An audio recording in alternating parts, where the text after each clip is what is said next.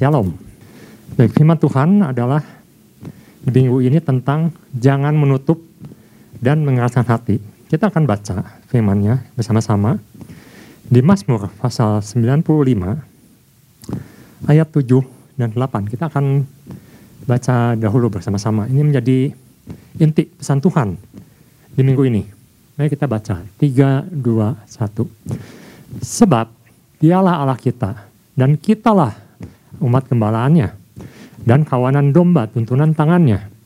Pada hari ini, sekiranya kamu mendengarkan suaranya, janganlah kerasan hatimu seperti di Meriba, seperti pada hari di masa di padang gurun.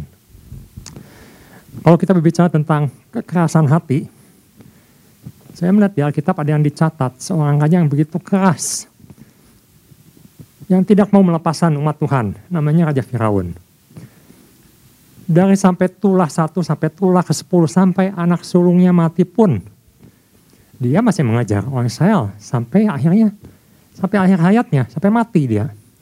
Terus mengajar umat Tuhan. Tapi mungkin kita bisa berkata oh itu kan Tuhan yang keraskan hatinya. Dicatat di situ. Bagaimana dengan bagaimana dengan yang lain? Kita bisa lihat orang-orang zaman Nuh diberi waktu 100 tahun lebih.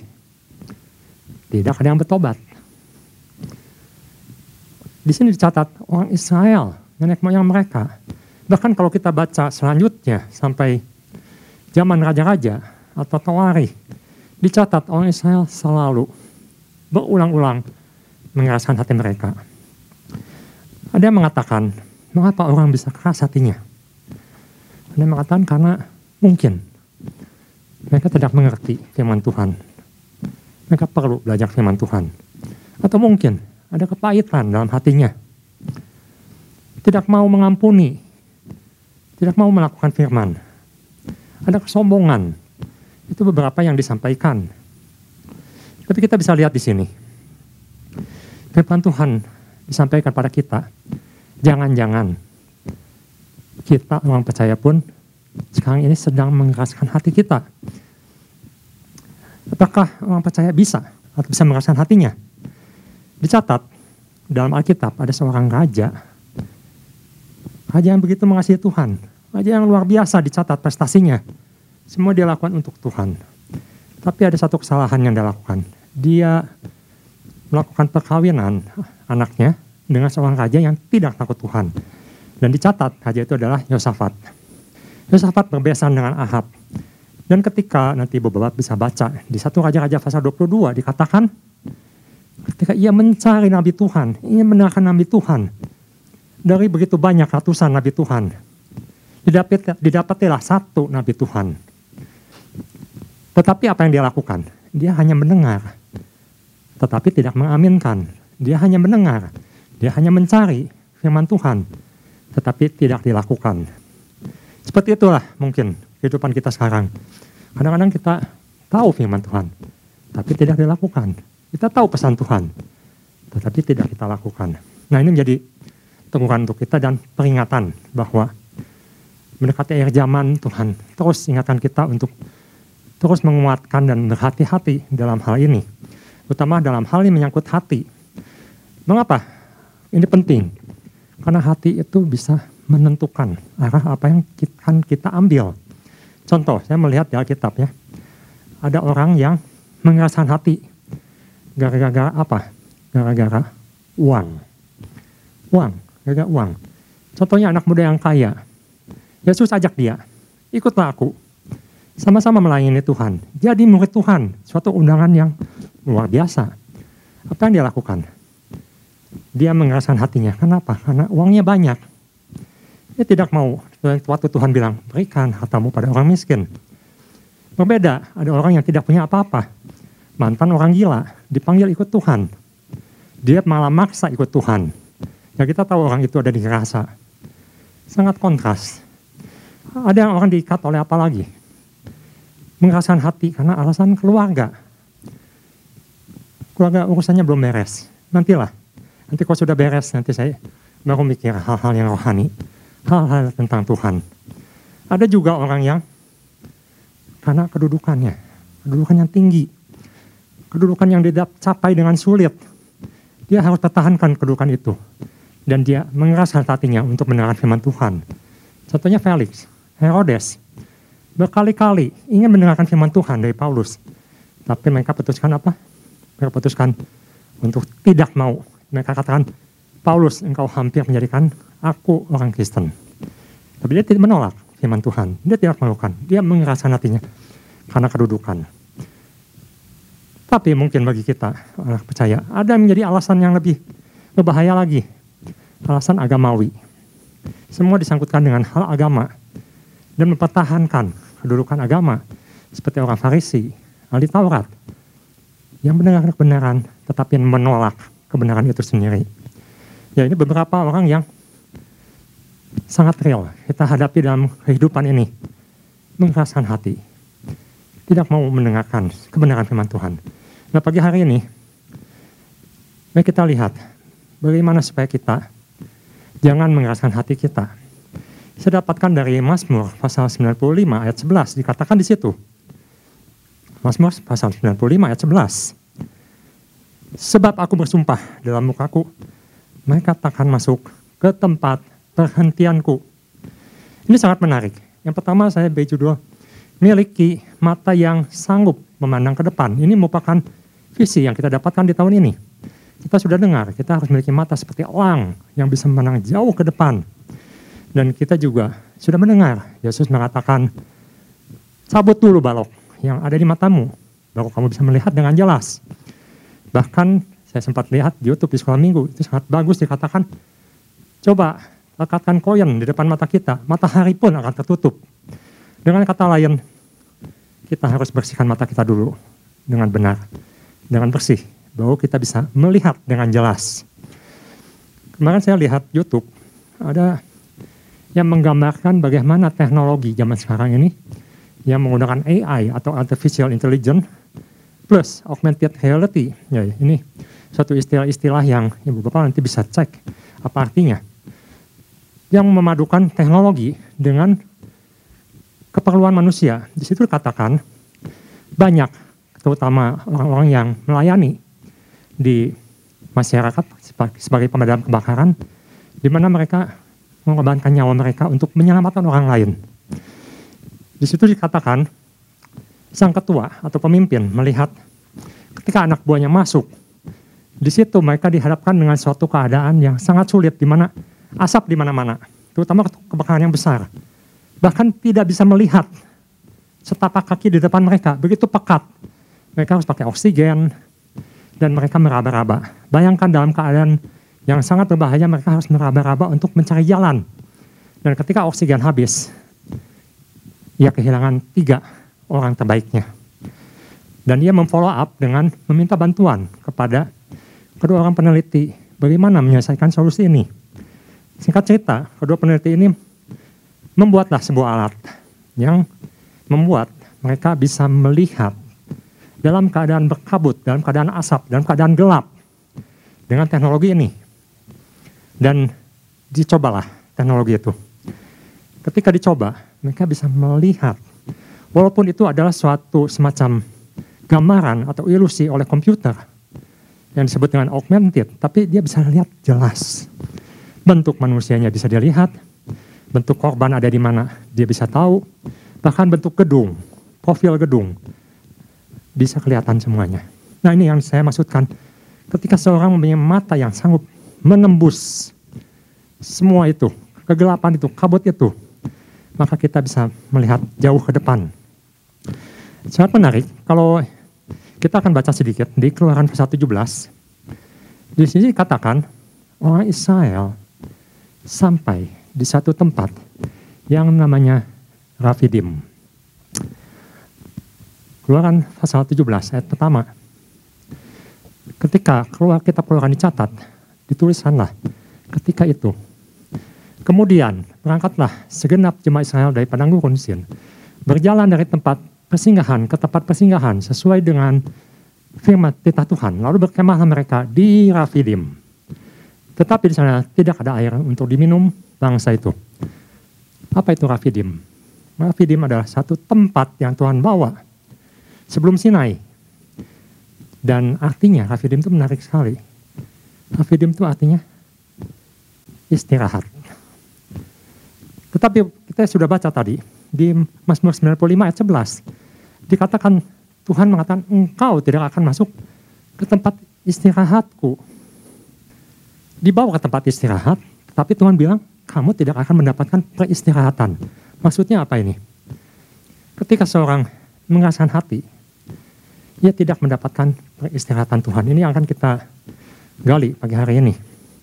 Dari Yafidim ke tempat peristirahatan Tuhan atau dalam bahasa ini disebut manuha, tempat peristirahatan Tuhan. Dari Rafidim, tempat peristirahatan yang ditempatkan Tuhan untuk orang Israel ke tempat peristirahatan Tuhan.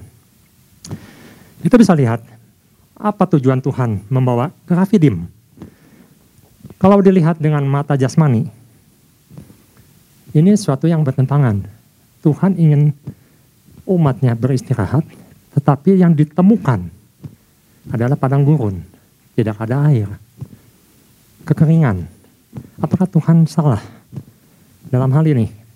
Kadang Tuhan bawa kita ke tempat yang gersang. Mungkin situasi-situasi seperti sekarang. Apakah Tuhan salah? Ketika Tuhan mengatakan, ia membawa umatnya ke Rafidim. Untuk apa dibawa ke Rafidim? Apa yang kita bisa dapatkan di Rafidim? Hanya kekeringan, tetapi ada satu yang hilang ketika Tuhan bawa Rafidim, di mana umat Tuhan tidak bisa melihat, tidak bisa melihat apa yang Tuhan sudah lakukan dalam hidup mereka. Kita bayangkan, Rafidim itu adalah satu tempat di mana umat Tuhan itu sudah melalui yang namanya Mesir. Sudah melewati Mesir. Sudah dilepaskan dari Raja Mesir, melewati Laut Merah. Turun ke bawah dan mereka diberikan mana oleh Tuhan, dipelihara untuk makanan. Tuhan berikan petunjuk yang awan tiang api. Begitu banyak mujizat, termasuk 10 tulah untuk orang Mesir. Tapi mereka lupa. Apa yang Bapak Gembala katakan, lupa. Lupa hubungan dengan Tuhan. Apa yang mereka lihat? Mereka hanya menggunakan mata jasmani. Yang dilihat hanyalah kekeringan. Yang dilihat adalah tidak ada pengharapan. Yang dilihat adalah untuk apa Tuhan bawa kita ke sini? Kalau kita lihat, Rafidim sebenarnya adalah Tuhan persiapkan umat Tuhan untuk sampai ke Sinai. Karena de jaraknya dekat sekali kalau di peta. Untuk apa Rafidim? Coba kita lihat di Mazmur pasal 95 ayat pertama. Di situ dikatakan, marilah kita bersorak-sorai untuk Tuhan bersorak-sorak bagi gunung batu keselamatan kita. Tuhan ingin umatnya di Rafidim itu adalah memuji Tuhan. Ayat kedua, biarlah kita menghadap wajahnya dengan nyanyian syukur. Bersorak-sorak baginya dengan nyanyian mazmur. Ingin Tuhan ingin umatnya memuji Tuhan. Menghadap Tuhan. Apa artinya ini? Tuhan ingin umatnya mempersiapkan untuk bertemu dengan Tuhan. Untuk beribadah kepada Tuhan ada satu ucapan syukur yang diucapkan karena kita selama ini sudah melewati begitu banyak masalah dalam kehidupan dan Tuhan pelihara kita. Tuhan berikan yang baik untuk kita. Itu sebetulnya yang Tuhan inginkan.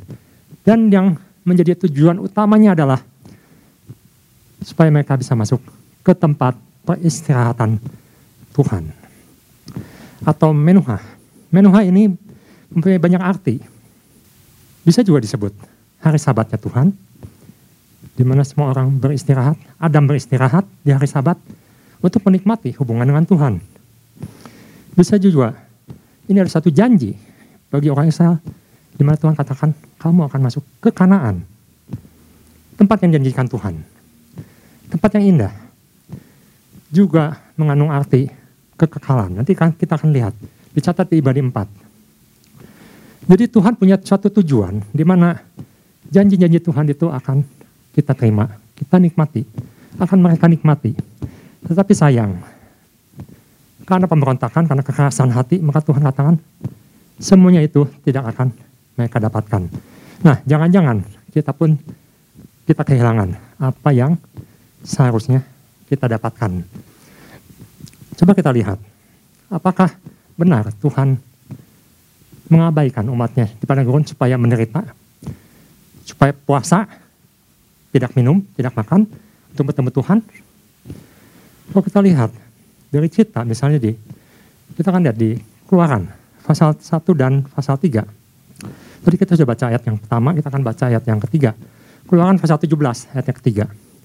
Kita bisa lihat bahwa semua keadaan sulit, semua keadaan yang kita lihat dengan mata jasmani, sepertinya tidak ada pengharapan, sebenarnya Tuhan sudah menyiapkan. Kita akan lihat respon apa yang diberikan biasanya oleh manusia ketika menghadapi hal-hal yang tidak enak. Sini katakan, haruslah bangsa itu akan air di sana bersungut-sungut. Ini yang pertama ya, dilakukan bersungut-sungut, mengeluh kepada Musa dan berkata, mengapa pula engkau memimpin kami keluar dari Mesir untuk membunuh kami, anak-anak kami, tanah kami dengan kehausan. Yang dilihat adalah Tuhan membawa untuk mendapatkan malapetaka. Tidak ada berkat di sana. Tetapi kalau kita perhatikan, cerita selanjutnya dikatakan Tuhan marah dan Tuhan mengeluarkan air di sana. Apa yang kita bisa pelajari di sini?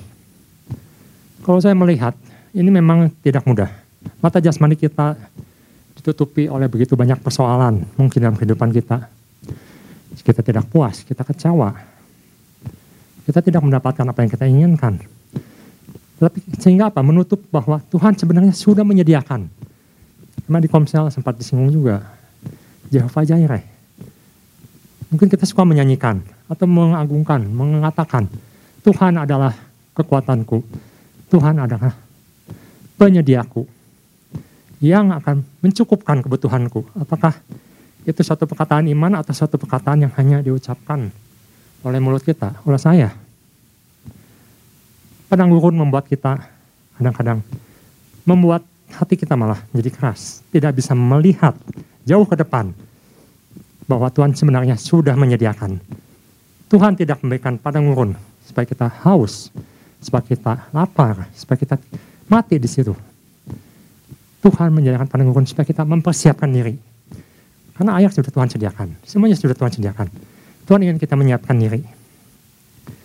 Untuk apa? Untuk bisa beristirahat dengan Tuhan. Menikmati hubungan dengan Tuhan.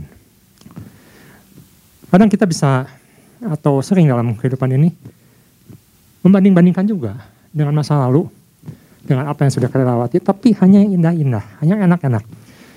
Kita perhatikan, sebelum masa Israel sampai di Rafidim, mereka sudah sampai yang namanya Elim. Ada apa di Elim? Ada 12 mata air ada 70 pohon korma di situ. Tempat seperti surga. Di padang gurun atau ketika melewati begitu perjalanannya jauh, ada satu mata air aja sudah mujizat. Ini ada 12. Begitu berlimpah.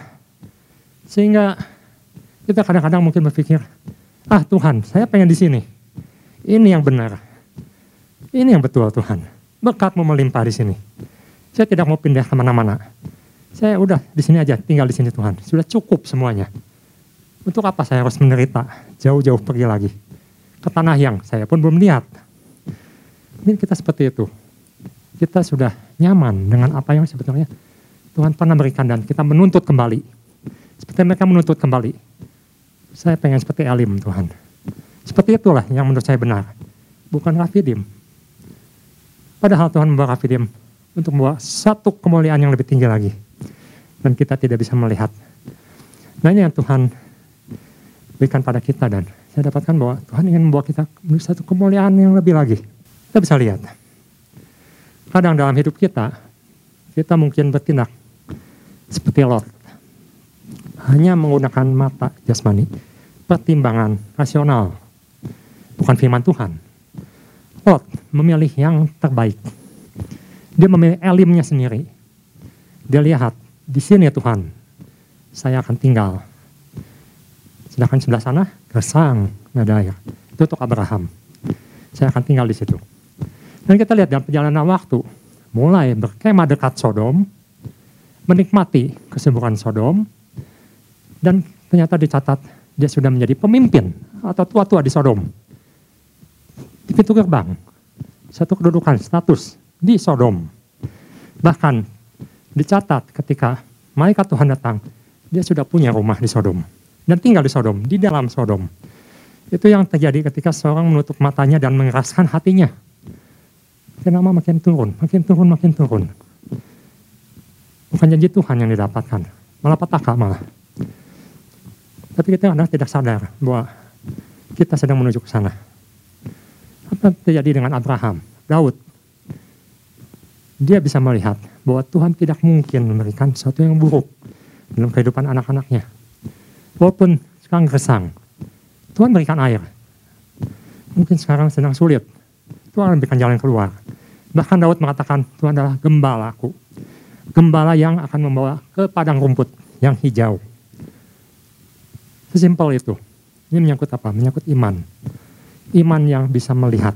Iman yang bisa memandang jauh ke depan. Tapi apakah sesimpel itu dalam kehidupan kita?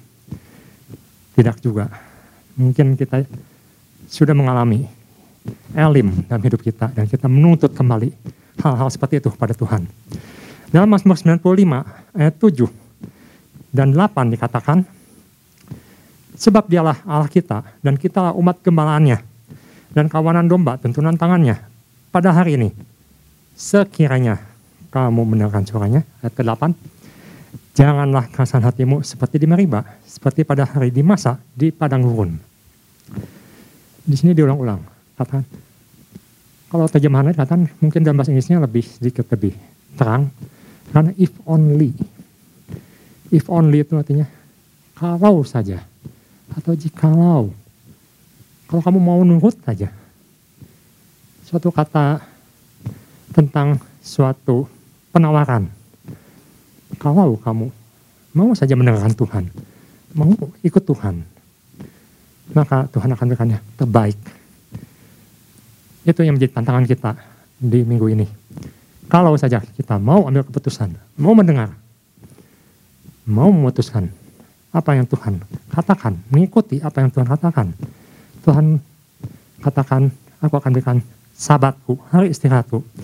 Kita, kita akan lihat sedikit dari Rafidim kepada Menuha. Ibadi 4 ayat 1 sampai 6. Kita akan baca sedikit supaya lebih jelas. Ini menyangkut apa atau posisi kita sekarang sebagai orang percaya.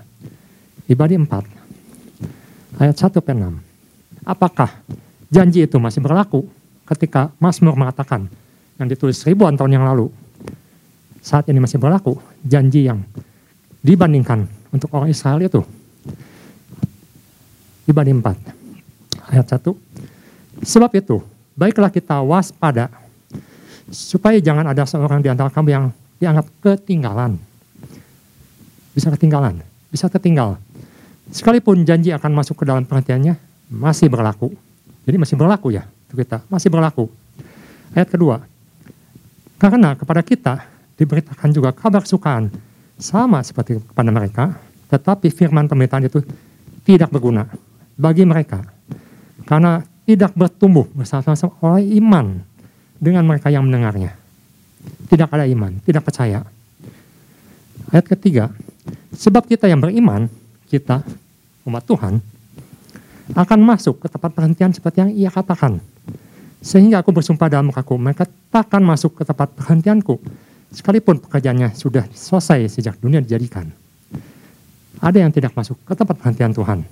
Ayat yang keempat, sebab tentang hari ketujuh pernah dikatakan dalam suatu nas, dan Allah berhenti pada hari ketujuh dari segala pekerjaannya. Ayat kelima, dan dalam nas itu kita baca, mereka takkan masuk ke tempat perhentianku. Ayat yang keenam. Jadi sudah jelas bahwa ada sejumlah orang akan masuk ke tempat perhentian itu, sedangkan mereka yang kepadanya lebih dahulu diberitakan kabar kesukaan itu tidak masuk karena ketidaktaatan mereka. Jadi di sini katakan ada yang tidak masuk, ada yang tidak menikmati sabatnya Tuhan, tempat perhentiannya Tuhan karena tidak taat. Banyak juga yang menafsirkan tempat perhentian Tuhan itu apa? Tempat perhentian Tuhan adalah tempat kita menikmati kemuliaannya Tuhan. Tempat kita bisa beristirahat, meninggalkan semua beban kita. Semua apa yang berat dalam hidup kita di tangan Tuhan. Sahabatnya Tuhan itu juga bicara tentang menerima semua janji-janji yang Tuhan sediakan, yang dijanjikan pada kita sebanyak buku Alkitab ini. Sahabatnya Tuhan yang berbicara tentang mendapat kekuatan Tuhan kembali dalam kehidupan ini. Ada juga yang mengatakan, jangan-jangan kita juga putus tengah jalan, tidak masuk tempat kekekalan Tuhan. Tapi saya tidak berbicara tentang hal itu hari ini. Jadi kita saya lagi harus berhati-hati, menjaga hati kita. Misalkan mengatakan, jagalah hati kita dengan penuh kewaspadaan. Jangan karena hal yang kecil, mungkin saya juga mengalami hal seperti itu. Karena hal yang kecil, dibandingkan dengan pemeliharaan Tuhan yang besar, itu membuat hati kita menjadi keras, menjadi kecewa. Tidak mau dengar firman Tuhan lagi. Tidak mau mengaminkan firman Tuhan lagi. Tidak mau ikut Tuhan lagi. Tidak mau melayani lagi. Tidak mau beribadah lagi. Apa seperti itu langkah yang akan kita ambil? Ya, minggu ini Tuhan mengatakan hati-hati. Ketika langkah yang kita ambil salah, ketika hati kita kita keraskan, Tuhan katakan kita tidak mendapatkan tempat peristirahatannya Tuhan. Suatu tempat yang begitu berlimpah berkat Tuhan. Karena Tuhan ada di situ. Satu kali lagi, jangan keraskan hati kita kita bisa melihat bahwa Yesus dan Musa punya hati yang lembut. Hati yang mau mendengar firman Tuhan dan dilakukan. Tidak hitung-hitungan. Karena mereka bisa melihat jauh ke depan. Jadi hari ini, pagi hari ini ingat, kita diingatkan kembali. Kita harus ingat janjinya Tuhan yang begitu luar biasa. Itu lebih mulia, lebih tinggi nilainya dari apa yang bisa kita dapatkan di dunia ini. Yang kedua, kita ingat bahwa Tuhan memelihara kita Walaupun kita ada di Rafidim, di situ kita harusnya beristirahat. Bukan mengeluh, bukan memberontak. Dan kita harus buka mata telinga kita. Kita harus dengar firman Tuhan, sungguh-sungguh. Mengerti dengan baik. Dan yang ketiga, itu yang terakhir, kita harus percaya dan melakukan. Mendengar, tapi tidak melakukan sama seperti iman yang mati. Dan biarlah pagi hari ini kita putuskan bahwa saya tidak akan mengeraskan hati saya. Saya akan mengikuti setiap firman yang Tuhan berikan dan melakukannya. Sekian firman Tuhan, Tuhan Yesus memberkati.